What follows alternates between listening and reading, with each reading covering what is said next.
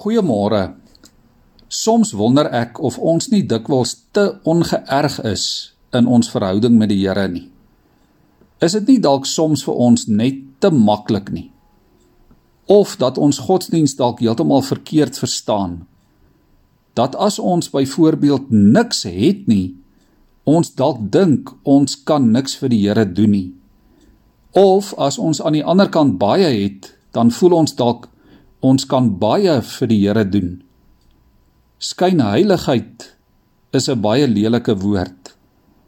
Dis so 'n veroordelende en 'n verdoemende woord om te sê iemand is skynheilig. En tog is dit waaroor Psalm 50 gaan. Dis eintlik 'n pragtige Psalm, maar dit veroordeel vorm godsdiens. Dit veroordeel godsdiens wat nie die eer van God as fokus het nie of waar mense dink hulle kan God se arm so 'n bietjie draai. Menslike vroomheid en godsdienstigheid. Ek dink die Here wil jy sê jy en ek moet in 'n krisistyd ja ook in hierdie COVID-19 tyd kom tot 'n herwaardering van godsdiens en van geloof.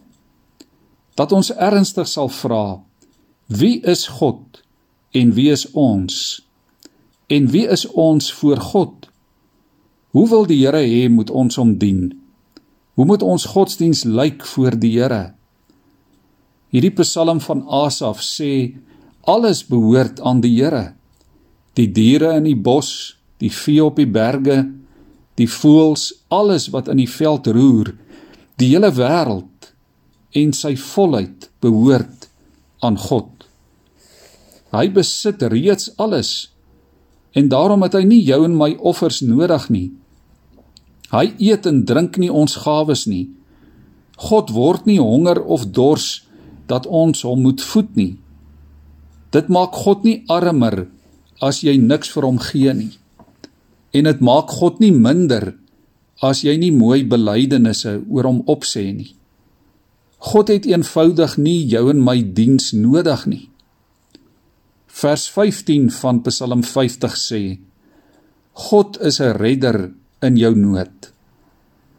Die Here sê self: Roep my aan in die dag van benoudheid. Ek sal jou uithelp en jy moet my eer. Liewe vriende, wie is God? En wat is godsdiens? Wat is geloof? In 'n krisistyd ontdek 'n mens die antwoord op hierdie vraag.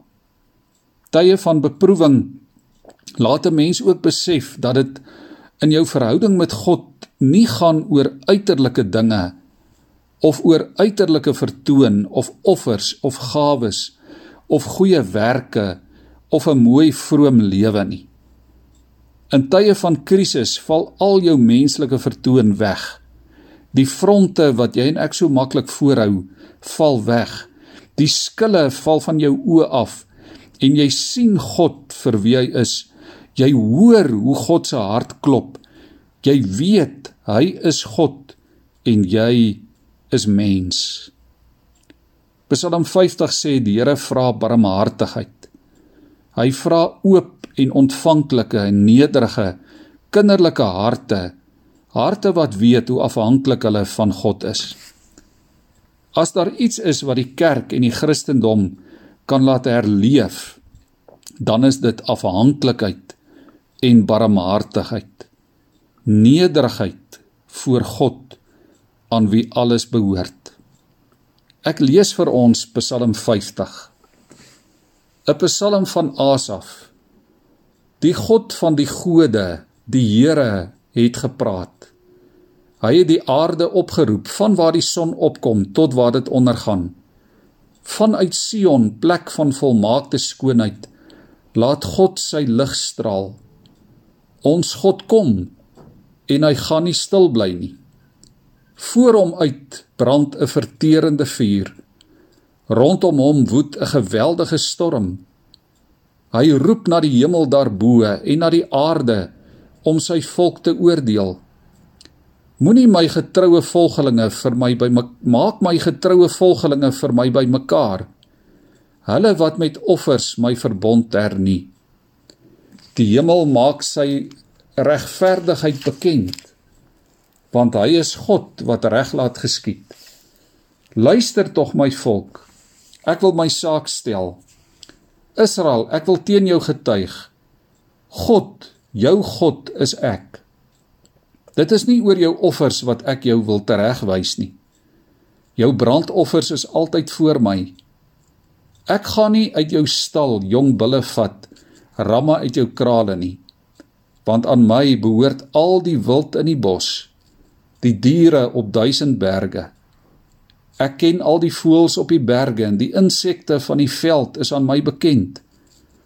As ek honger sou word, sou ek jou nie sê nie, want die wêreld in sy volle omvang is myne eet ek die vleis van bulle en die bloed van ramme, drink ek dit?